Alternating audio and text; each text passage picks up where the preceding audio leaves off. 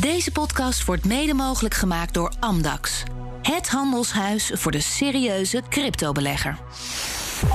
Hartelijk welkom bij de CryptoCast. Dit is deel 2 van CryptoCast 198, het podcastgedeelte. In deel 1 hebben we het gehad over het laatste crypto-nieuws. Dat vind je als de vorige aflevering, 198a. En nu gaan we eh, doorpraten over NFT's in de kunstwereld met Gustav Dekking.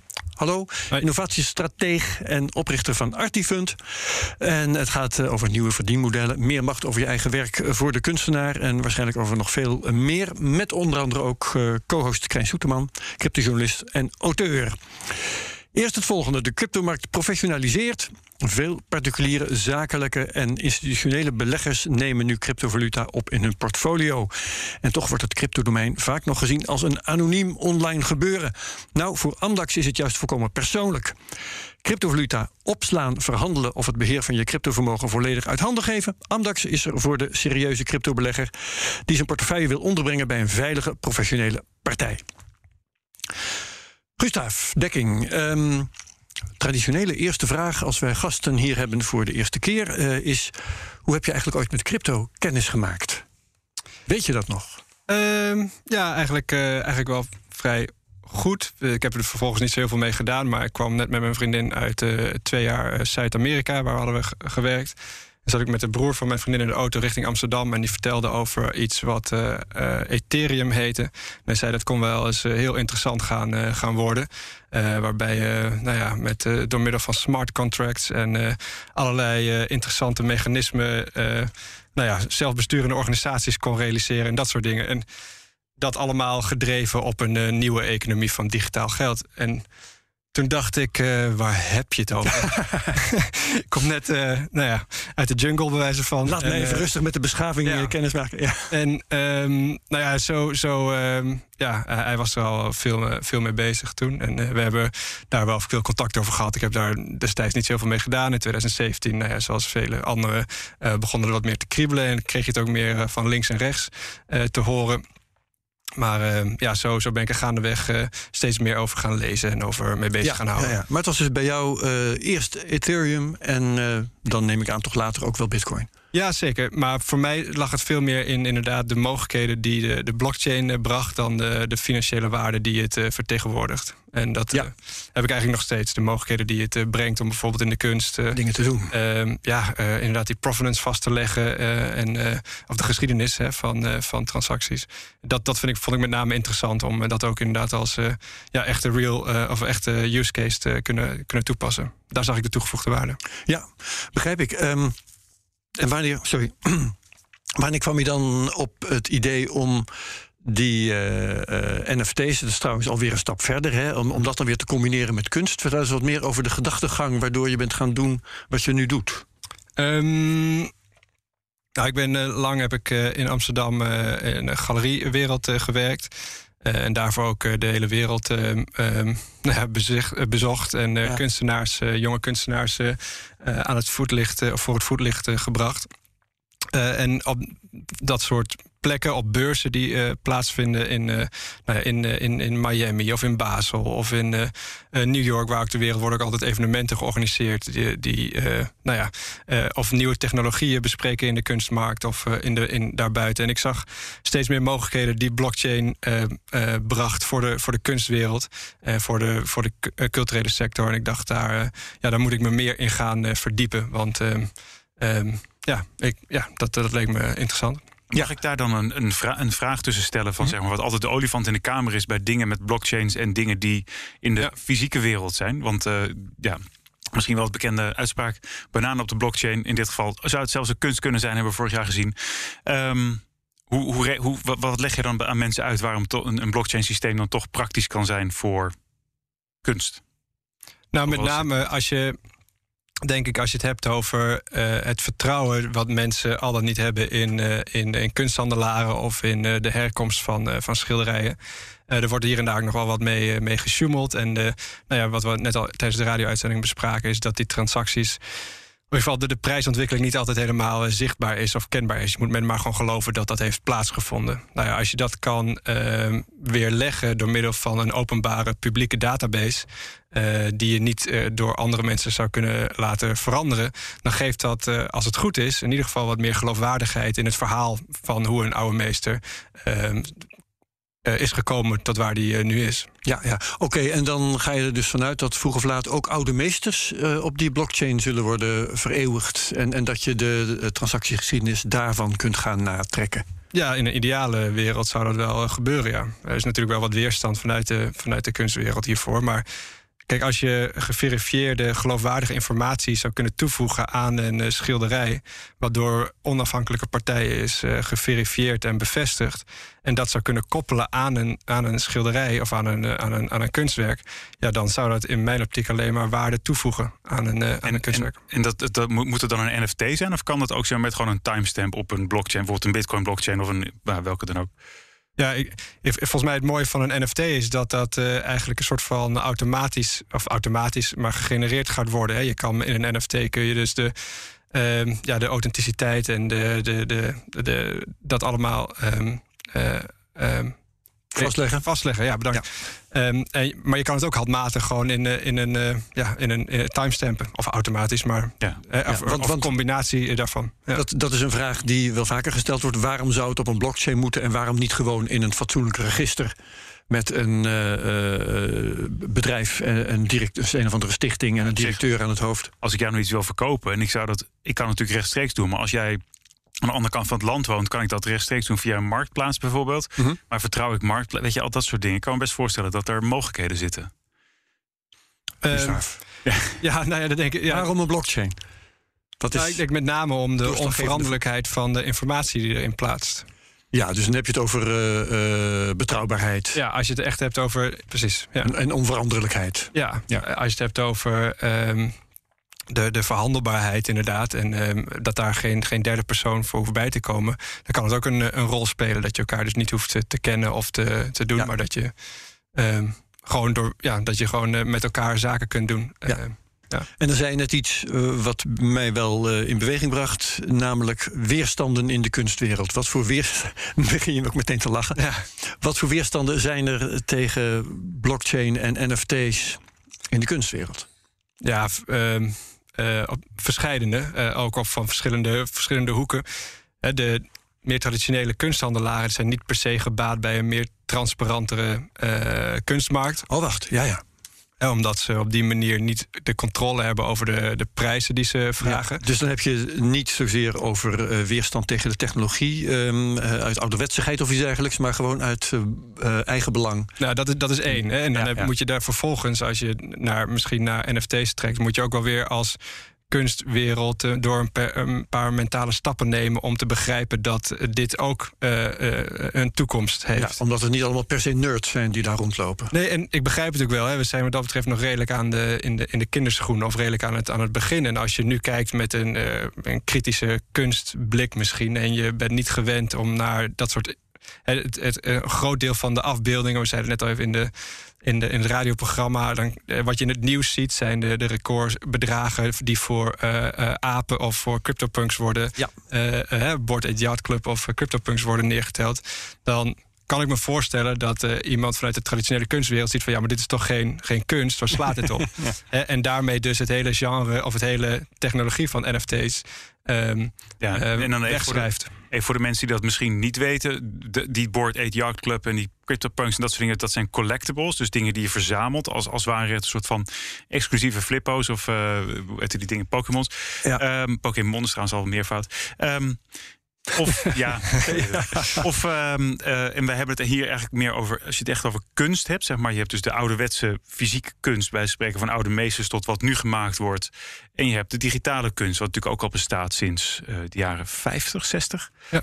En digitale kunst is natuurlijk heel erg lang een soort van ondergeschoven kindje geweest in de kunstmarkt. En dat is nu natuurlijk ineens iets heel raars aan het doen. Dat Christie's dus begin uh, van het jaar voor 69 miljoen een, ja, een, een verzameling plaatjes verkocht als groot kunstwerk. Volgens mij liggen daar. People. Hoe, hoe zit het daarmee met die digitale kunst als je, als je die stap maakt naar NFT's? nou ja, precies wat je zegt. Het is niet, niet nieuw dat er digitale uh, kunst wordt gemaakt. Hè. Ja, het zegt jaren 60, jaren 70. Het is alleen altijd zo verdomd kopieerbaar. Exact. En dat is nou precies wat non-fungible tokens. Af, het mooie daarvan is dat dus die digitale makers, digitale kunstenaars, uh, maar ook uh, ja, muzikanten, die kunnen dus in één keer hun, uh, hun, hun, muziek ook digitaal verkopen. En daar ontstaat dus in één keer een hele nieuwe, nieuwe markt.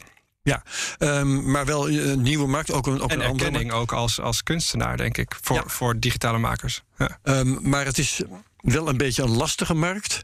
Want, um, en dat, dat zag je ook met het verhaal over Beeple en, en een aantal andere van die werken. En dat geldt, geldt ook voor uh, die Board, Aid, Board Apes Yacht Club. Blijft moeilijk. Onmogelijk wordt. Ja, um, want je kunt uh, genieten van de aanblik van zo'n werk zonder die NFT te hebben. Ja. Um, dus wat, en, en dat, dat uh, brengt dan de vraag op, uh, die toch telkens weer beantwoord moet worden. Wat win je er nou eigenlijk mee om zo'n NFT te hebben? Want het is niet uh, het voorrecht om van die kunst te genieten. Nee.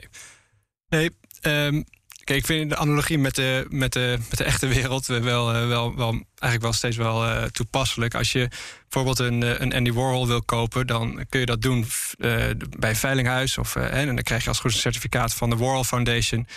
Mee. En dan heb je een hele mooie print en daar betaal je een paar miljoen voor. En dan heb je een mooie, mooie print, maar wel met een certificaat van de World Foundation. Mm -hmm. Daarmee zeggende dat, die, dat er een x aantal zijn gemaakt op ja. dat moment en dat bedrag. Je kan diezelfde print waarschijnlijk ook kopen op eBay voor 20 dollar. Ja, nu dus het kijkplezier ja. heb je, heeft hetzelfde. Maar het feit dat degene die uh, de World heeft met het certificaat, uh, ja, die heeft ook nog het gevoel van dat hij ook daadwerkelijk een, een echte bezit. Um, daarnaast heb je ook nog, denk, en dat is wel een hele mooie ontwikkeling als het gaat over die, inderdaad het, het, het opslaan als uh, fenomeen. Hè. Dus iedereen kan in principe jouw digitale kunst kopiëren en ook, ook op zijn computer of op zijn telefoon opslaan. Maar dat je een nieuwe ontwikkeling hebt waarbij je dus een, een soort van Creative Commons Zero hebt, waarbij je alle rechten um, ja, er is no reserved rights. Dus het is helemaal volledig wat je maakt in het publieke domein. Dat is iets wat uh, de Board Yacht Club dus doet. Dus al die afbeeldingen die daar zijn gegenereerd, 10.000 stuks, die zijn volledig in het publieke domein. En kunnen dus de, ja, jij en ik, maar ook de houders van, uh, of de bezitters van zo'n uh, afbeelding, uh, doen en laten met die afbeelding wat ze willen. Dus ze kunnen het voor commercieel gebruik doen. En wat, wat er dan gebeurt, dat is dus in combinatie met een NFT. Dus je hebt mensen die dus iets met die afbeelding kunnen gaan doen. Ze kunnen, je ziet ook Adidas die dus instapt bij de uh, Board Yacht Clubs. Of in ieder geval die afbeeldingen gebruikt om aan hun merk ja, waarde toe te voegen. Maar degene die daadwerkelijk die afbeelding van die aap bezit, die ziet zijn afbeelding steeds bekender worden. Naar, hè, omdat een ja. community daar van alles. Je degene die die NFT bezit, ja. die uh, ja, wint daar toch ook waarde mee. Ja, dus het is in het publieke domein. Het plaatje bekender wordt. Ja, exact. Dus dat is een, denk ik een hele interessante ontwikkeling. Dat dat soort afbeeldingen dus. Je krijgt een soort van open source intellectueel eigendom. Ja. Het, het, is wel interessant, want de grap is dat ik eigenlijk dacht van nou, we gaan het eigenlijk alleen hebben over de, zeg maar, de kunst met de grote K. Maar we komen toch steeds weer terug bij die eigenlijk de, de, het onderzoek naar van hoe werkt dit nou eigenlijk mm. allemaal, uh, deze hele NFT-wereld. En die, dat, dat eigenlijk onderzoek gebeurt eigenlijk helemaal niet bij de grote kunst, met, eh, zeg maar, om het zo maar te zeggen, maar juist bij die collectibles en al die andere dingen die voor heel veel mensen een beetje als onzin misschien soms overkomen. Ja, de, kijk, ik denk dat, je, dat, dat dat zie je het meest, denk ik, omdat daar ook de grootste bedragen worden uh, vernoemd en vermeld. En dus ook veel krantenkroppen uh, haalden, ja. halen. En, en ook wat ze doen is ook wel gewoon, gewoon feit, of ja, wel interessant, omdat zij een community weten te mobiliseren en te belonen voor het bezitten van een van die afbeeldingen. Dus dat is op zichzelf wel gewoon een heel interessant uh, fenomeen om te bekijken.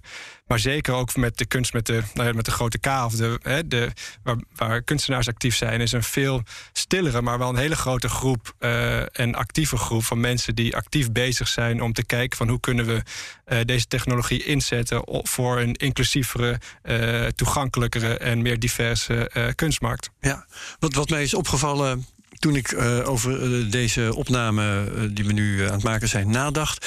Dat is die NFT's die hebben met een hele hoop dingen die we al kennen eigenschappen gemeen. Maar het is toch eigenlijk een ding op zichzelf. En ik, ik zou uh, een, een, aantal vergelijkingen voorleggen die ik wel eens maak. Eén is, uh, NFT is eigenlijk iets als een kopie met een handtekening erop. Dat had je bijvoorbeeld bij die eerste tweet, weet je wel. En ook dat, uh, dat ding van People bijvoorbeeld. Um, het is ook iets wat te maken heeft met eigendomsrecht. Maar het is ook weer niet het eigendomsrecht zelf. Het heeft ook iets van een zakelijke overeenkomst. Het heeft soms ook iets van een origineel exemplaar van een werk, maar dat ligt er maar net aan of je een NFT maakt van iets wat al bestaat of van iets wat je daarnet gemaakt hebt. Um, is, is dat uh, de, die warrigheid, is dat iets waar jij last van hebt? Hoe leg jij, hoe leg jij mensen uit wat, wat een NFT is en wat je ermee kunt? Nou, ik ben het zeker met je eens dat er, dat er veel. Um ja, warrigheid ontstaan over wat je nu precies wel kan en wat je niet kan met een, uh, uh, in combinatie met een non-fungible token of een NFT. Uh, daar ligt ook denk ik een hele grote uitdaging en een hele grote verantwoordelijkheid voor de mensen die daar ja. actief mee zijn. Om het uit te leggen van wat de, wat de mogelijkheden misschien zijn en wat het ook vooral misschien allemaal niet kan. Um, en mede door de grote hype die er is ontstaan, denkt, uh, denken veel mensen dat als je ergens een token aan koppelt, dat het uh, gratis geldje om de oren uh, vliegt of het internet money. Um, dat is natuurlijk ook niet zo. Nee. dus um, ja, het, de, de, er is wel wat. er ligt nog wel een grote taak om dit, dit uit te leggen. En je moet ook wel, denk ik inderdaad, wat ik net ook al zei, wat, wat mentale stappen nemen om een, vanuit een het, het, het eigenaarschap van een, van een fysiek object is redelijk duidelijk en uh, ja, vanzelfsprekend of zo. Maar dat je dat dus ook digitaal nu kan creëren, daar, ja, dan, dan, dan, dan moet je wel wat. Uh, dan moet je een open geest voor, voor ja, hebben. Ja, er, er komt trouwens, denk je ook niet, Krijn, er komt vast een dag dat, uh, dat we gaan zeggen: ja, weet je, een, een echtheidskenmerk bij een fysiek kunstwerk, ja, dat, weet je, dat is net zoiets als een NFT, maar alleen vroeger deden ze dat anders. Eh, net zoals tegenwoordig. Ja, een encyclopedie, uh, weet je wel, de ja, dat is Wikipedia, maar dan op papier, weet je wel. Dus, ja, terwijl de vergelijking vroeger andersom werd gemaakt. Ja, ja nee, dat, dat, ik, dat, dat zal op een gegeven moment zo zijn. Want ik, ik denk ook. Uh, kunst vastleggen van wie het is, dat is in Nederland volgens mij begonnen ergens in de 17e eeuw, eind 16e. Nou goed, een tijdje geleden alweer. Um, en sommige dingen hebben inderdaad de, de herkomst kun je nou het helemaal terugvoeren tot, tot dan. Maar er zitten vaak ergens gaten en, en problemen. Dus ik kan me heel goed voorstellen dat je daar een beter systeem voor wil hebben. Maar wat ik wel ook toch interessant... Ik wou even terug naar die kunstmarkt eigenlijk. Um, want uh, nou, de, de, de, oude, de oude veilinghuizen zoals de Sotheby's en de, en, en de Christie's en zo... die zijn nu ook allemaal een tijdje al bezig met het hele NFT-gebeuren. En laatst was er in Decentraland geloof ik een veiling van Sotheby's... van volgens mij fysieke werken in dus uh, de digitale Decentraland-omgeving. En wat mij heel erg opviel, dat die hoe kan dat vergeven? Hoe kan dat, de fysieke werken? Nou, gewoon zoals normaal gebeurt. Je hebt, je hebt hier een foto. Deze foto, uh, daar, dat, is een dat is een foto van een bestaand kunstwerk. En dat bestaande kunstwerk kun je kopen, maar je bent niet zelf bij de veiling aanwezig. Zoiets. Oh, oké, oké. Okay, okay, yeah, Dus maar goed, dat waren fysiek. Dus die fysieke kunstwerken die kon je kopen. En die werden voor maar 7 of 6 miljoen verkocht of zo. En toen dacht ik, Hè, dat zijn dus bestaande werken. Dus heeft iemand het lopen schilderen en andere dingen lopen doen. En dat wordt voor veel minder verkocht dan, dan dingen die computer-generated zijn. En misschien in drie kliks uh, bij elkaar ge, Misschien niet helemaal, maar bij wijze van spreken. Hoe, hoe, hoe, moet ik dat zien? Hoe moet ik dat in de kunstmarkt zien? Ja, dat is, natuurlijk, uh, dat is natuurlijk altijd uh, uh, wonderlijk hoe de kunstmarkt opereert. Dat ja, dat, dat is zo. Kijk, Sotheby's en, en, en Christie's en ook uh, Philips en andere veilinghuizen... die zijn hier uh, heel... Ja, die zijn ook niet, niet gek. Die zien dat er in één keer veel geld wordt neergeteld voor digitale afbeeldingen. Dus die zijn er als de uh, kippen bij om daar ook iets mee, mee te doen. Um, He, dus inderdaad zo'n tentoonstelling in, uh, in, in Decentraland of Crypto. Of, um, he, is het soms zo dat je in zo'n omgeving juist publiek bij elkaar krijgt dat meer over heeft voor digitale kunstwerken? Dat, dat die als meer uh, reëel ziet? Nou, één interessant gegeven denk ik wel is dat bij, die veiling van, van Beeple bijvoorbeeld, daar was uh, van, die 91, of van, die, van die 69 miljoen van die afbeelding van 500 Days, is dat 91% uh, onbekend was bij Christie's op dat moment van de bieders. Allemaal en, nieuwelingen. Allemaal nieuwe mensen die ja. dus wel bereid zijn om serieuze bedragen neer te tellen voor een, uh, voor een digitaal werk. Natuurlijk is het denk ik ook daar anders. Hè. Ze accepteren daarvoor het eerst Ethereum ook als, als betaalmiddel. Waarbij je dus um, ja, ook weer je een, een, nieuwe doelgroep ontsluit om mee te Precies. doen. Hè, die kun, ja, ja, ja. mensen die heel veel geld hebben verdiend, of heel veel Ethereum in het begin hebben kunnen aanschaffen voor een relatief lage prijs, die kunnen natuurlijk nu op dit soort veilingen ehm, ja, heel, heel leuk, heel leuk mee in de bus blazen. ja. ja. ja. ja. Hey, um, en vertel intussen ook eens eventjes wat jij dan precies in deze wereld doet met dat bedrijf Artifund van je. Ja. Ja, Artifund, uh, wij daar ontwikkelen we een, een, platform voor de internationale museale sector.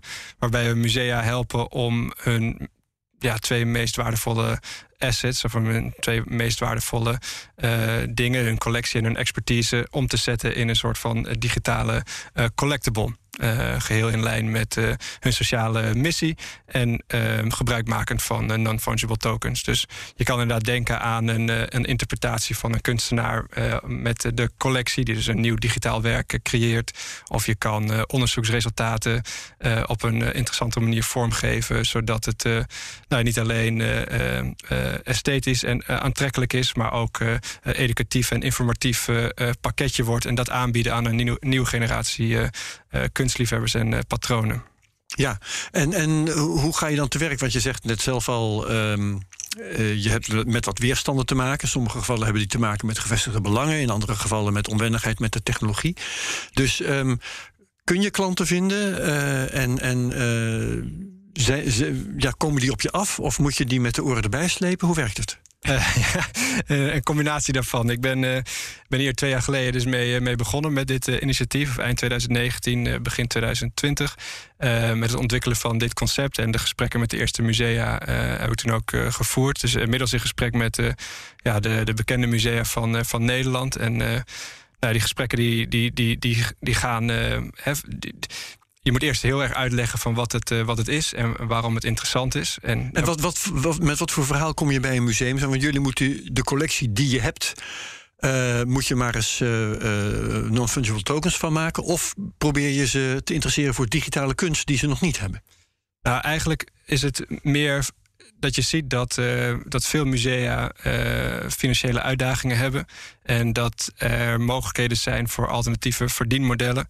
Uh, en hmm. tegelijkertijd dat die verdienmodellen dus niet alleen extra geld opleveren, maar ook toegang bieden tot wat zij ook lastig vinden: een nieuwe generatie van kunstliefhebbers. Ja, nieuw publiek. En um, zo zo doen we dat, ja. En, en, op dit moment wordt geld vaak aangetrokken door musea en zo, door bijvoorbeeld uh, stichtingen waar dan rijke mensen, of tenminste waar je vermogende mensen uh, geld in stoppen, zodat bijvoorbeeld uh, het Rijksmuseum weet ik, dat staat altijd groot van als je lid bent van deze stichting, dan. Ja, ja dus, dus, dus je hebt uh, vrienden, vriendenkringen of vriendschapsmodellen, loyaliteitsmodellen die een museum heeft, legaten die worden nagelaten aan, aan musea, schenkingen, veel subsidies natuurlijk hier in Nederland.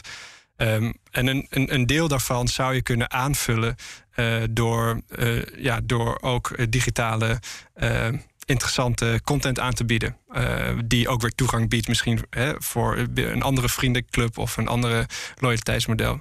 En als je dat dan echt omschrijft, maar, hoe zou dat eruit zien? Zo'n zo'n digitale content extra bovenop wat de bestaande kunst. Bijvoorbeeld, bijvoorbeeld laten we het bekendste museum nemen, het Rijksmuseum. Hoe zou dat eruit kunnen zien?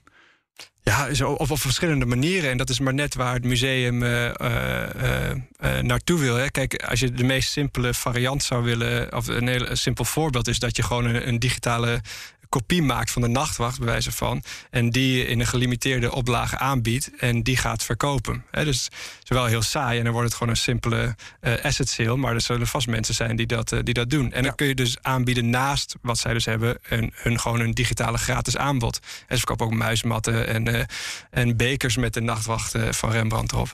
En maar, maar interessanter is om te kijken van oké, maar wat kunnen we nou doen wat niet alleen voor het museum toegevoegde waarde is, de gebruik maken van die tokens, maar ook voor de koper uiteindelijk. Dus meer dan alleen het bezitten van een digitale nachtwacht, maar ook uh, misschien uh, toegang biedt tot een, uh, tot een bepaalde club of in het, toegang biedt tot extra content online of offline. Of dat je een, een, een, hedendaagse kunstenaar een interpretatie laat doen op een, een kunstwerk uit de nachtwacht. Wat ik zelf heel interessant vind is. er zijn heel veel. Um, er is gewoon echt heel veel onderzoeksmateriaal die musea of onderzoeken die musea doen aan de collectie. En, uh, uh, en dat levert ook heel veel interessant beeldmateriaal op, waar je die gewoon in de, in de kassen en in de archieven ligt. Maar dat kun je nou ja, met behulp misschien van een designer of van iemand kun je dat in een heel mooi, uh, ja, in een heel mooi uh, esthetisch pakketje gieten. En dat aan de eerste plaats aanbieden, uh, omdat het gewoon interessant is en mooi is. En tegelijkertijd dus ook iets kan toevoegen van kennis aan bij de, bij de koper. Ja. En in Nederland is dat, nou ja, het, het, de gesprekken lopen en het gaat heel interessant. Maar ik denk, we hebben nu vijf, vijf Amerikaanse grote musea die, als het goed is, begin volgend jaar willen starten met een met een eerste aanbod. En dat is wel heel, uh, heel interessant. Ja, ik moet denken aan, aan die nachtwacht. Dat is natuurlijk een uh, werk dat uh, ouder is dan 70 jaar. Wat is precies het, het getal dat relevant is hier voor het auteur zegt. Um, iedereen, denk ik, kan een NFT maken met een afbeelding van de nachtwacht. Ja. Um, hoe zou het Rijksmuseum. Dan, dan, dan uh, als, als het Rijksmuseum op dit, dit gebied iets zou doen. dan zou het er toch op neerkomen dat op, op een of andere manier. een NFT uh, aantoonbaar afkomstig van het Rijksmuseum meer waard is dan een NFT die bij wijze van spreken door de Action uh, op de markt wordt gebracht met die nachtwacht erop. Ja, precies dat eigenlijk. Ja. ja. Het is het voorbeeld wat we net al tijdens het radioprogramma gaven van de Warhol, die een certificaat meekrijgt van de Warhol Foundation. Dat die meer waard is dan uh, diezelfde Warhol-print uh, van, van eBay. Um, en als je met zo'n soort verhaal aankomt bij een museum, bijvoorbeeld het Rijksmuseum, um, wordt dat dan begrepen? Uh, er gaan wel wat gesprekken uh, over. Het gaat niet over uh, één nacht ijs allemaal. Ja. Maar eerder nou, enkele maanden koude nachten. ik ja, hoe je die analogie verder moet, moet trekken, of die metafoor. Maar um, Nee, kijk, maar komen dit soort dingen Want ik heb er nog niet echt van gehoord. Nee, en dat is ook. Kijk, okay, dus het, dat, het gebeurt. Hè. De, de, de, nog British Museum naar die olifant aan het gooien. Ja, het British Museum heeft, een, heeft net een, een, een, een NFT gelanceerd. De Hermitage in Rusland heeft het gedaan. Okay. Uh, de Whitworth Collection in, uh, in, uh, in Manchester hebben het gedaan. Dus er zijn ste steeds de Uffizi in, in Florence. Die hebben geëxperimenteerd. Maar het zijn allemaal nog niet echt zaligmakende. zaligmakende nee, er kunnen natuurlijk ook rare dingen gebeuren met je NFT die je niet had verwacht. Zoals rare teksten die in bepaalde contracten gezet worden. Oh, wacht even. Dat moeten we even gaan uitleggen, denk ik. Want je, waar jij op doelt is dat McDonald's, over Action ja. gesproken, een NFT heeft, heeft uitgebracht. En dat was dan weliswaar geen kunst, maar het is toch interessant om even hier te noemen. Ja, dat, en, was de McBacon of zo. Ik weet niet precies. Ik heb McRib, geen... herinner ik me. Dat kan ook kunnen. ik en, ben op de hoogte hoor, en, onderschat me niet. maar in het, in het, smart, zeg maar het smart contract niet, maar in, het, in een van de uh, transacties van zo'n van zo'n NFT-transactie van, van de ene naar de andere Ethereum-adres, ja. had iemand in de hexadecimale code uh, een of andere racistische opmerking. Semi, ja, een opmerking gezet die niet helemaal... Die nu dus voorgoed in de Ethereum blockchain ja. staat. Overigens niet iets wat per se gekoppeld is aan NFT's. Dat had bij elke Ethereum-transactie kunnen gebeuren. Maar, maar het valt natuurlijk op als een grote naam zich... Daar gaat het natuurlijk om. Hè? Ja. De grote naam verbindt zich eraan. En dan gebeurt dat met zijn grote naam. En dan, dan, dan gaat iedereen daar natuurlijk boos op worden... terwijl het gewoon eigenlijk uh, by design is. Of het zit in het systeem. Dus ja. Hoe, hoe sta je tegenover dit soort uh, risico's, uh, Gustav? Uh, risico's voor het imago van partijen die hieraan meedoen? Ja, je, je moet vooral inderdaad met culturele en museale instellingen. of misschien ook met inderdaad grote bedrijven. Je moet heel goed bedenken en nagaan wat er allemaal gebeurt. Het is, het is heel, maar goed, dat is met, met alles wat je, wat je doet, geloof ik. Je moet gewoon ja. ja, je moet ervoor zorgen dat het allemaal goed en op een, op een juiste en correcte manier gebeurt dan, uh, dan is er ook niet zo heel veel. Ja, en misschien ook een, uh, een, realistisch beeld schetsen van risico's waar je geen invloed op hebt. Hè? Omdat we zeggen nu ja. uh, al nou, tegen elkaar: het was een transactie ja. van de een naar de andere. Daar heeft een museum no niet noodzakelijkerwijs nog invloed op. Hey, maar als we dan eventjes van de... want ik ben ook wel nieuwsgierig naar zeg maar, hoe jij kijkt naar digitale kunst... die heden die maar op dit moment allemaal gepubliceerd, geproduceerd wordt... gepubliceerd, gemaakt en hoe je het wil noemen... Um, heb je, want ik ken eigenlijk alleen maar een paar hele bekende platforms zoals OpenSea, Rarible en dat soort dingen. Zijn er dingen waar we, die wij eigenlijk missen als simpele NFT-gebruikers? Uh, waar je als kunstkenner gewoon van denkt van nou hier moet je toch eens naar kijken of, of, of, let hier eens op van ja dit is, er aan, dit is aan de hand aan de echte kunstkant. Nee, wat, je, wat je zegt inderdaad, de OpenSea is toch wel het platform wat, uh, wat het meeste volume heeft, waar de meeste dingen op worden uh, nou ja, niet alleen gemaakt en worden verkocht, of in ieder geval gekocht en verkocht, uh, maar ook worden kunnen gemaakt. Dus dat is, ja, dat, dat, is wel echt een groot, groot platform. Mooi om sowieso te gaan bekijken of wat er allemaal gebeurt. Maar daar, daar kun je inderdaad stukjes digitaal land kopen of virtueel land. Of uh, daar kun je nou ja, rapper coins en daar kun je nou ja, kunst kopen. Um, wat interessant is, denk ik, om ook eens naar te kijken, is zijn platformen als Artblocks. Artblocks is een platform specifiek voor generatieve kunst. En wat is generatief? Dat het vanzelf door code gemaakt wordt of zo? Ja, dus, hmm. uh, dus uh, computerbeelden uh, die met behulp van een algoritme zijn, zijn gemaakt. dus die, die, algoritme is door de kunstenaar inge, ingegeven of gecodeerd, geprogrammeerd. Um, en met elke transactie die plaatsvindt, um, dus je mint het of je koopt het, verandert door een interactie met het smart contract eigenlijk, verandert de afbeelding. Dus de, verandert het werk ook? Ja. Oh, wow. Ja, ja. Dus dat is, dat is super interessant op, op artblocks.io is een beetje wat, uh, wat Banksy in het uh, fysieke milieu heeft gedaan. Hè? door dat ding door de shredder. De, shredder ja. ja. Maar goed, ga ja. verder. Ja, maar dit is dus echt helemaal uh, um, ja, code-based. Of in ieder geval op, met, met algoritme gemaakt. Ja, um, en specifiek ook alleen voor dat, voor dat genre. Dus dat is wel heel interessant. Omdat het natuurlijk gewoon allemaal ja, computergegenereerde beelden zijn. Digitaal. en blijven ook digitaal. Dus dat is wel... Dat is, dat is wel heel interessant. Het is ook een populair platform. Ja. Uh, async art uh, is, uh, is async.art. Schrijf ik dat? A-S-Y-N-C. Oh, als in sync. Niet, ja, ja. ja. Um, dat is interessant. Daar, daar, ja, wat zij faciliteren is natuurlijk, vind ik heel erg interessant. Namelijk dat je als kunstenaar verschillende lagen in je kunstwerk. Of ze, doen, ze hebben nu ook async music. Dus als muzikant kun je verschillende delen van je muzikant aan verschillende mensen verkopen. En eigenaren van een verschillend deel of van een, van een laag in een kunstwerk, die kunnen vervolgens ook aanpassingen maken binnen die laag. Um, binnen de parameters van de, de kunstenaar of de muzikant. Dus als eigenaar van een stukje van een, van een digitaal werk wat uitgebracht is via async art bijvoorbeeld. Uh, dan kun je poppetjes uh, om laten draaien of laten verdwijnen. Of als jij de laag van de lucht hebt, kun jij die laten blauw maken of nacht of, eh, of, of, of uh, overdag. En het, de, de hele afbeelding verandert dus al naar gelang de wens van de nou ja, eigenaar, verschillende eigenaars van, dat, van het kunstwerk. Dus het is steeds ook een veranderend kunstwerk. dus, Wonderbaarlijk. Ja, je krijgt een hele andere. Of je krijgt een mooie participatie van, van, de, van de kunstkopers met de kunstenaar. Ja, ja, ja.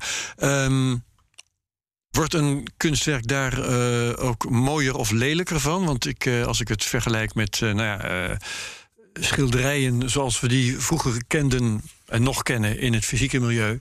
Ja, de kunstenaar kiest bewust kleuren, maakt bewust een compositie en noem maar op. En alles wat daaraan zou achteraf nog zou veranderen, dat zou hij beschouwen als het vernietigen of het beschadigen van zijn, van zijn werk. Dus hoe moeten we dat soort dingen in de toekomst gaan zien? Nou, als je het hebt over die generatieve kunst, dan is het natuurlijk de dan weet de kunstenaar ook niet hoe het uiteindelijke resultaat na een transactie eruit ziet. Dat is ook waar. Ja. Uh, daar heeft hij dan niet zoveel over te zeggen, maar wel op basis van wat hij heeft ingegeven, natuurlijk in het begin.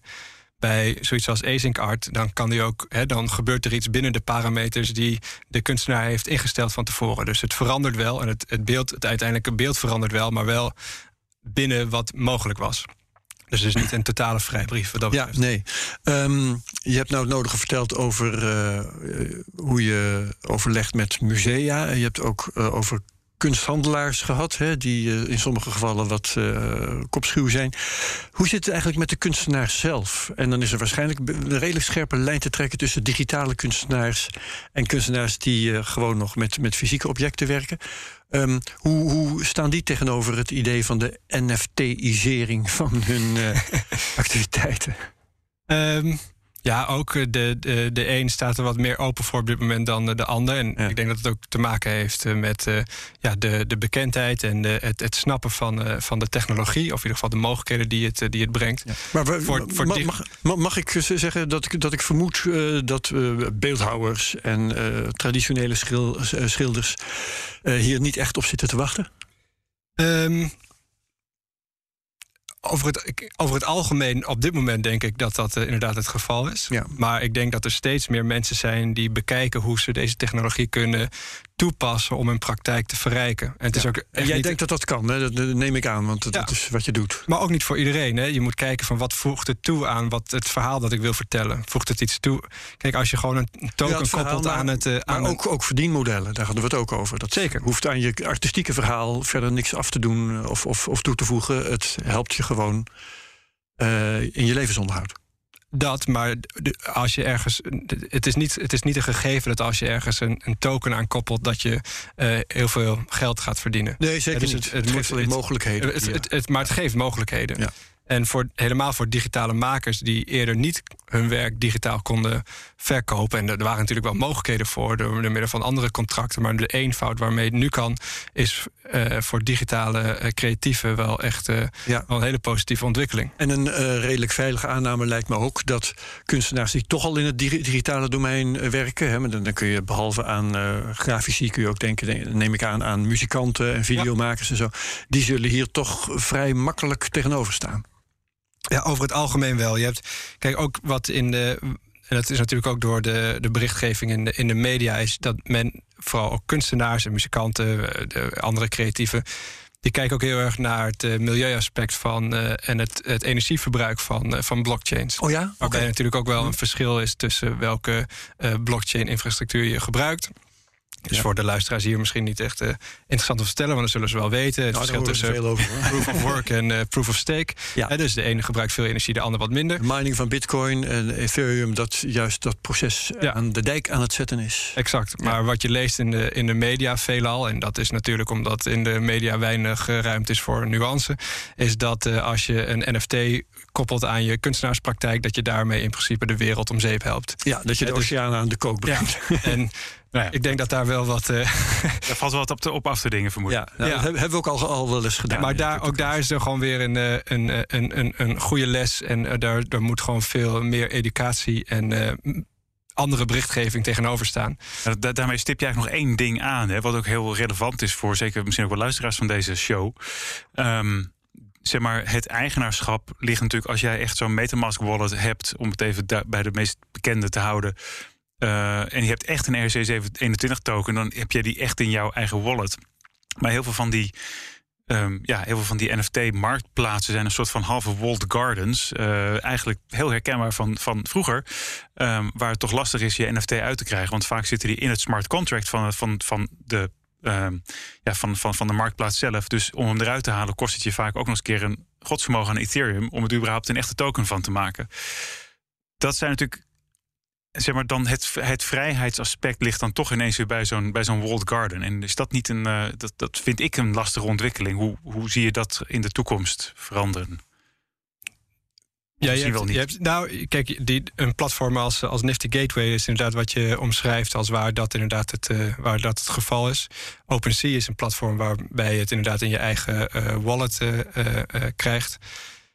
Er is ook wel weer een verschil, hè? want de, en daar gaat het altijd om, om gemak tegenover eigen, um, ja, tegen zelfverantwoordelijkheid. Um, Zo'n Nifty Gateway die maakt het voor zoveel mogelijk mensen gemakkelijk om een token of een, een kunstwerk te kopen. Um, zonder dat je er al te veel bij hoeft na te denken. Daar staat tegenover dus dat die token niet in jouw wallet zit, maar in de walled garden van een Nifty Gateway. Dus volgens mij hier vast wel een gebezigde term: not your keys, not your mhm, coins, mhm. not your keys, not your NFT's. In Absoluut, ja. Um, en dat is bij andere platformen wel, uh, wel, uh, wel verschillend. En uiteindelijk denk ik dat naarmate men meer um, uh, kennis heeft en meer begrip heeft van hoe dergelijke processen werken, men uiteindelijk denk ik ook wel ja, ziet en kiest voor meer open, open systemen. Omdat daar uiteindelijk ook de meeste waarde, denk ik, dan naartoe vloeit. Ja, ik heb uh, hier nog een, een uh, kreet staan in mijn draaiboek. Gedeeltelijk eigenaarschap. Ik heb uh, een tijdje geleden, niet zo heel lang geleden, las ik over een, een digitaal kunst of een, NFT, als ik me niet vergis. die van eigenaar verwisselde en gekocht werd door een complete community die daar een crowdfunding actie voor op touw had gezet.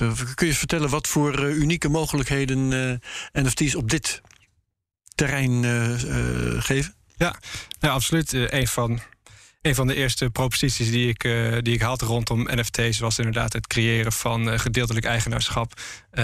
en soms dacht ik van museale collecties, maar ook gewoon voor het aankopen van, van, van, van kunstwerken met een, met een community. Um, ja, dat, dat, dat is interessant, omdat je op die manier dus met een, met een gemeenschap van uh, gelijkgestemden of met een, een, een set van eigen dezelfde waarden um, kan beslissen of je een, een kunst, je hebt kunstwerk aankoopt. Mhm. Hè, maar je hebt eh, bedrijven die dat voor jou faciliteren. Zoiets als wat net is opgezet. eh, Particle bijvoorbeeld. Daar kun je nu met. ehm, daar kun je nu met, met, eh, eh, met, met, met veel verschillende mensen een Banksy aankopen. Dat is hun eerste offering. En dan kun je dus met een relatief kleine eh, portemonnee... kun je dus meedoen aan een eh, ja, mogelijke miljoenen eh, aankoop of verkoop. Eh, je, net heeft eh, een, een digitaal werkende kunstenaar Pak... eh, dat heb je misschien wel gelezen in het, in het nieuws... maar die heeft via eh, nou ja, het platform wat we net noemden, Nifty Gateway...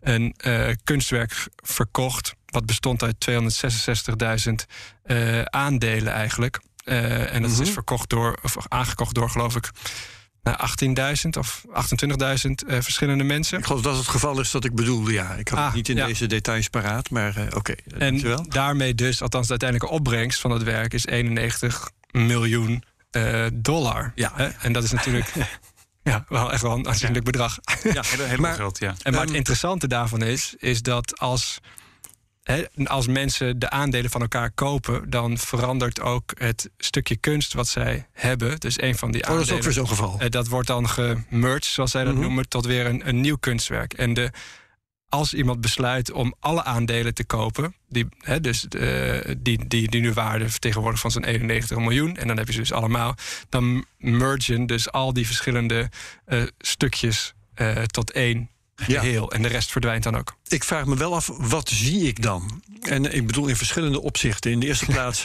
ja, als je, als je zo'n eh, NFT koopt, wat dan een aandeel in een kunstwerk is, wat, wat kom je dan tegen in je wallet? Dat is één. En het andere is dat werk. Jij vertelt nu dat ja, dat, dat verandert dan eh, met eh, eventuele transacties. Maar waar is dat werk en, en hoe kan ik dat bekijken en hoe neem je waar wat er dan verandert? Ja, allemaal eh, goede vragen. het, het, het gaat aan jou om te beantwoorden. Precies. Want ja. to- toevallig was ik vorige week bij een opening van een tentoonstelling in een museum Moco. eh, op, de, op, Museumplein. Ja. En daar, daar hingen dus ja, allemaal NFT's eh, eigenlijk tentoongesteld in grote beeldschermen. En dat kun je heel saai in, vinden. En dat had ik in eerste instantie dat ik ook zo'n gevoel erbij. Maar toen ik daar uiteindelijk was. Eh, uiteindelijk is het toch heel vaak hoe iets wordt voorgesteld. Kijk, die tv achter jou is mooi, zit mooi in een, in een, in een, in een, witte, in een witte wand. En het ziet er best strak uit. Terwijl als je, als je op je telefoon eh, ja. bekijkt, dan denk je, ja, wat is het nou voor onzin? Dus ik denk dat eh, Ja. uiteindelijk musea zijn natuurlijk, of plekken waar dingen tentoongesteld worden. Tentoonstellingsruimtes, galeries zijn natuurlijk toch plekken waar je anders voelt over kunst. En ook omdat het groter is, ja, dingen worden toch. Je wordt minder afgeleid Ja. door, eh, door de rest van je beeldscherm. Ja. de- Nee, de zoals ook aandacht muziek anders klinkt in het concertgebouw dan eh, eh, via je oortjes. Maar, maar nu mijn vragen. Ja. Eh, wat, wat gebeurt er precies bij, eh, in al die opzichten bij een gezamenlijke aankoop? Nou, in dit geval kreeg iedereen dus een, ja, een, een, wel, een, wel een afbeelding in zijn. eh, ja, ik- kijk, het ligt anders bij, bij Nifty Gateway, omdat je het niet daadwerkelijk in je, in je wallet krijgt, maar binnen de, de garden van Nifty Gateway eh, houdt. Maar binnen het profiel van Nifty Gateway heb je inderdaad dan een, eh, eh, ja, een, een afbeelding waar je naar kunt kijken. Oké, dus, dus die, die gateway heeft, heeft de tokens en niet de aandeelhouders. Ja, totdat je zegt van ik wil ze uit het platform hebben en dan krijg jij ze. Oké, dat zijn dus allemaal wel nieuwe dingen waar we aan moeten leren wennen, eh, heb ik zo de indruk. Ja. Ehm, Maar dat is bij andere platformen dus, eh, dus anders. Hè. Stel je, je doet een aankoop op een, op een OpenSea of op een Rarible of een Foundation, dan heb je ze wel daadwerkelijk zelf in je eigen. Oké, Eh, dus daar bestaan allerlei varianten ja. op. Ja. Goed. Ehm, eens even kijken wat ik daar dan nog over. Want ik wil, ik wil hier vreselijk veel over vragen, maar dat buitelt allemaal over elkaar heen. Eh, hoe, hoe, hoe het eruit ziet. Dat, ja, eh, je kunt dat op allerlei manieren op een beeldscherm eh, zetten dan. Maar Of je kan je eigen virtuele galerie maken. Je ziet steeds meer virtuele werelden opkomen, waarvan en Crypto Voxels of Decentraland of Somnium of nou ja, noem ze, noem ze maar op. Ja. De sandbox, waar mensen dus hun eigen tentoonstellingsruimtes opzetten en vormgeven, samenstellen met eh, verschillende eh, kunstenaars. Ehm, en zo dus eigenlijk een heel ja, een, zou hun eigen eh, collectie laten, kunnen laten zien en makkelijk delen met, eh, met, eh, met wie ze willen. Maar over dat gezamenlijke eigenaarschap. ehm, Eh, je kunt dus eh, heel mooi vertellen over wat NFT's daarbij mogelijk maken. Maar gezamenlijk eigenschap was natuurlijk al op allerlei manieren mogelijk. Ja. je kon natuurlijk al lang collecteren en een groot bedrag bij elkaar leggen en dan gewoon iets kopen. Ja, en dat dus, gebeurde natuurlijk ook al. Ja, dus, dus wat is er nou eigenlijk echt nieuw? Dat je er ook weer vanaf kan. He, dus, uh, ook al volgens mij. nou ja, als je, je komt bijvoorbeeld uh, ook bij het, uh, bij het concertgebouw of bij het, bij het, bij het orkest, kun je een, een donatie doen en een gezamenlijke aankoop doen voor een instrument voor in de orkestbak. dus dan koop je gezamenlijk met z'n allen een uh, nou ja, mooie Stradivarius. Uh, uh, precies. Ja. en daar heb je dus ben je gedeeltelijk eigenaarschap van die Stradivarius of via de, van, die, van die fluit of wat dan ook. maar dat is eigenlijk ook een, een schenking. Hè? Dit krijg je niet meer terug. Het mooie van als je een gedeeltelijk door middel van tokens of door middel van die blockchain-technologie gedeeltelijk eigenaarschap faciliteert, is dat je ook weer als je denkt van ik wil nu uh, meer, uh, meer Banksy of meer, minder pak, dat je dus kan gaan handelen in die, uh, ja, in dat ge, in die aandelen. liquiditeit. Het, ja, liquiditeit is. Het punt van liquiditeit. Ja, precies. Ja, ja, ja. Interessant. Um, eens even kijken. Wat, wat heb jij nog voor vragen, Krijn? Ja, ik, ik, ik, ik, schiet ontzettend heen en weer tussen allemaal verschillende dingen. En dat is ook het lastige bij dit onderwerp. Want je, omdat het natuurlijk, het gaat, uiteindelijk is het een, in de meeste gevallen is, staat het plaatje of het, of het wat het ook is niet in het smart contract zelf, maar is het een koppeling naar buiten toe. En dan wordt het eigenlijk, ja, wordt het wat je ook zegt, wordt meer een token. En je kunt dan ineens, je, je kunt zoveel dingen eromheen gaan verzinnen, maar je kunt ook zoveel dingen verzinnen waarom het wel of niet zinvol is. Ik, ja dat, dit, ja, ik, ik, maar ik, ik zat wel gisteren, zeg maar, uh, dus allemaal van die. Uh, platforms af te struinen. En ja, ik, ik zie wel binnen de digitale wereld heel veel plezier dat je, dat je ermee kunt krijgen om, om met dat soort dingen bezig te zijn, zeg maar. Dus dat je dat met je digitale kunst uh, in je eigen kleine digitale wereldjes kunt spelen. Maar goed. Ja. Het, het grote verschil, denk ik, met. Uh, en, en, of het grote verschil, maar wat heel erg leuk is, misschien ook omdat het nu nog redelijk in de kinderschoenen staat, is dat het een een redelijk positieve community is. Dat stel dat je er iets mee zou willen, of stel dat je er mee zou, uh, meer over zou willen weten, is dat je bij mensen zoals mij of bij andere mensen als ik. Um, ik zou kunnen aankloppen en we helpen je graag op weg om, uh, ja, om, om je eerste stappen te zetten richting uh, ja, wat je wensen ook zijn. Hè, maar als je via Twitter of in een, uh, dat is de plek waar veel, veel van de gesprekken plaatsvinden rondom, rondom NFT's of in verschillende Discord-servers, dan zijn mensen je maar al te graag bereid om je, je op, op weg te helpen. En ik denk dat dat een hele mooie soort van positieve ja, mooi positief aspect is. Dat die community graag bereid is om je op weg te helpen. Ja, ja, ja. Um, we moeten langzaam ook wel naar een afronding toe. Uh, hoe zou jij onder woorden brengen wat um, NFT's volgens jou voor invloed gaan hebben op, op de kunst? Uh, wordt, uh, gaan, er, gaan er meer bloemen bloeien? Um, of wordt het juist, aangezien het meer een sociaal proces wordt, wordt het misschien juist eenvormiger? Wat verwacht jij dat er gaat gebeuren? Nou, ik, ik denk dat, dat het dat het niet per se, de, of helemaal niet zelfs, de traditionele kunstmarkt dus vervangt. Maar ik denk dat het een, eh, een mooie aanvulling wordt op wat er op dit moment al beschikbaar is. Dat het steeds uh, uh, normaler wordt om ook digitale kunst aan te kopen en ook te laten zien in, in, in musea bijvoorbeeld. Um, wat, ik, wat heel interessant is, is de mogelijkheid voor, voor, voor digitale makers dus om uh, hun, hun werk te, te valoriseren of te, te, te monetizen. Ja, waar het toch uh, tot voor kort wel aan schorten. Ja, absoluut. Ja, ja. En een van de meest ja, wat je, wat je nu ook veel ziet, is dat je dus door middel van die NFT's en de kunstmarkt, dat die kunstenaars dus um, gebruik kunnen maken van een voorgeprogrammeerd en dus automatisch volgerecht. dus dat je niet alleen bij de initiële verkoop een bedrag krijgt, maar bij elke wederverkoop je niet hoeft aan te kloppen bij, uh, bij derde partijen die jouw uh, volgerecht innen hier in Nederland, wat de meeste kunstenaars niet doen, maar dat het gewoon automatisch uh, internationaal ook um, in jouw bankrekening. Um, ja, of je, je, of je wallet. Ja, je, je crypto, uh, ja, crypto bewaarportemonnee. Ja, precies. Ja, je crypto bewaarportemonnee. ja. Is, is dat, is dat um, het meest revolutionair? Ik vind, dat komt steeds weer terug. En ik vind het ook ja. wel een heel mooi vers, verschijnsel.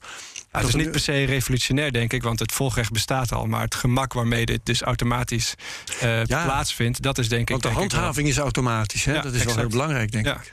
En ja, wat je bedoelt daarbij dat je dus vastlegt in dat smart contract dat je bijvoorbeeld zoveel procent gaat naar de, bij elke verkoop naar de kunstenaar. Exact, ja. Of elke partij die je daaraan aan, aan toevoegt. Waarmee je dus automatisch ook profiteert van prijsstijgingen. Die, ja. Uh, zich en wat nu dus niet het. Uh, en nu is het geval dat, uh, ja, dat je dus een, een, beginnende kunstenaar die verkoopt iets voor duizend nou ja, dollar. Is die hartstikke blij mee. Het is Fuji en. En een paar jaar later wordt het verkocht voor 20.000 dollar. Die kunstenaar die krijgt daar niks van.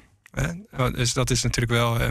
Um, ja, ja, en misschien zit ik als, als mens nog te wachten op een, sorry, als gewone mens, als, uh, als, robot, als, als, als, eigenaar van, uh, van, van, van zeg maar, digitale kunst, misschien wat meest te wachten op een betere manier van hoe, hoe display of hoe zet ik dat nou neer in mijn huis. Ja. Want uh, heb ik gezegd, grote verder monitoren aan mijn wand heb ik niet zoveel zin in. Misschien is het nog het wachten op echte goed gekleurde e-ink.